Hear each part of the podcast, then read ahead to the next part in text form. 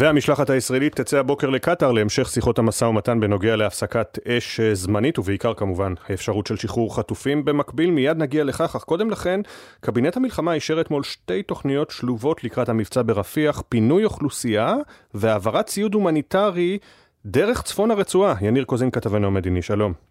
שלום אפי, בוקר טוב. כן, אז אתמול בישיבת הקבינט של קבינט המלחמה הציג צה"ל את אה, תוכנית הפינוי של האוכלוסייה מאזורי הלחימה ברפיח ואת התוכניות המבצעיות להמשך, וכמובן גם בקשר ישיר את התוכנית לאספקת הסיוע ההומניטרי לרצועת עזה באופן שימנע את תופעת הביזה שאירעה בצפון הרצועה ובאזורים אחרים, כך נכתב, והדברים קשורים, מאחר ופינוי האוכלוסייה מרפיח יכול להביא לכך שהאוכלוסייה תגיע בסופו של דבר לצפון הרצועה, ואז צריך לראות איך מעבירים לה את הסיוע ההומניטרי, זה בראש ובראשונה אפי איתות גם לאמריקנים על כך שישראל מתארגנת, מכינה כאן תוכניות מסודרות, אני מזכיר לך את הדרישה האמריקנית בעניין הזה.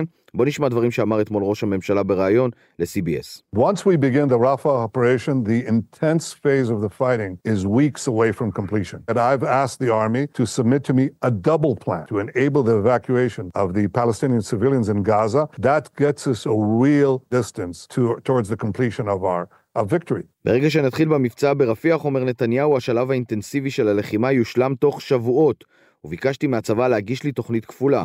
קודם כל לאפשר את הפינוי של האוכלוסייה האזרחית בעזה, וכמובן שלהשמיד את מה שנשאר מחמאס, זה יביא אותנו למרחק אמיתי לקראת השלמת הניצחון שלנו. כך נתניהו. מלבד האמירה באמת שזה ייקח רק כמה שבועות, שזה שינוי ממה שראש הממשלה אמר עד כה לגבי המלחמה שתארך שנה, אה, הדברים הללו בעצם כל הזמן הם באיתות לארצות הברית להראות שהדברים מסודרים. גורם אה, שמעורה בנושא אומר לי, אישור התוכניות ברפיח בקבינט הוא סמלי, הצבא מתכונן לרפיח ויש כמה דרכי פעולה. עם עסקה או ללא עסקה ולכן צריך להיערך לעניין הזה, אבל הוא אומר החלק המדיני הרבה יותר משמעותי מהחלק הצבאי, צה"ל מתארגן, יכול להיות שהפעולה ברפיח היא עוד דרך להפעיל לחץ במשא ומתן. כן, יניר, ועכשיו נעבור לצוות שיצא היום לקטאר. הפרטים עדיין לא נקפאו סופית, אבל כבר יש מסגרת כאמור, הפוגה שתארך שישה שבועות. לא כל החטופים ישוחררו במהלכה, ויניר, אתה מדווח הבוקר שבקרב צוות המשא ומתן עדיין יש אופטימיות זהירה.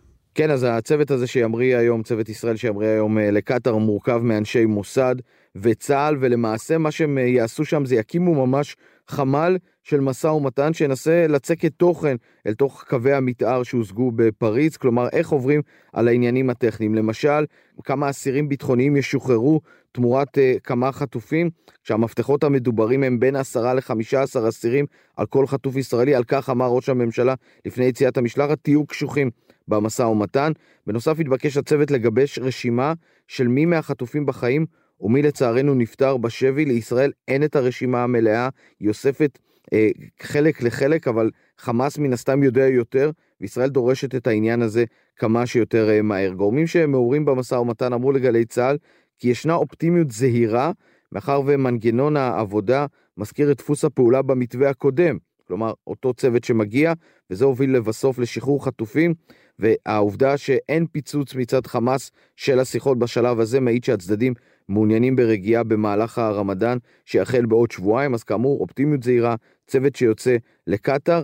אחרי שאמרנו את כל הדברים האלה, אפי, עדיין תשובת חמאס אינה מונחת על שולחנה של ישראל, האם היא מסכימה למתווה הזה שהאמריקנים הניחו, בתקווה שהלחץ מצד המתווכות יעשה את שלו, ובימים הקרובים ממש נוכל לדבר כבר על מתווה מוסכם, שיהיה אפשר לתת לו יעד ולהתחיל להוציא אותו אל הפועל.